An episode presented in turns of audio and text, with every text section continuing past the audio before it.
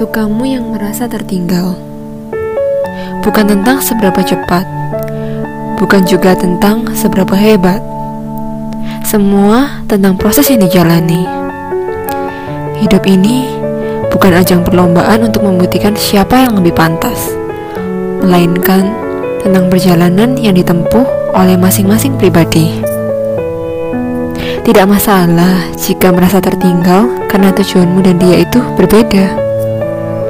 Faktanya, setiap orang memiliki garis akhir yang berbeda. Mungkin sekarang bukan saatmu berhasil, tapi tak usah risau, masih ada hari esok untuk mencapai tujuan. Walau berat dan terkesan tidak adil, nikmati prosesnya.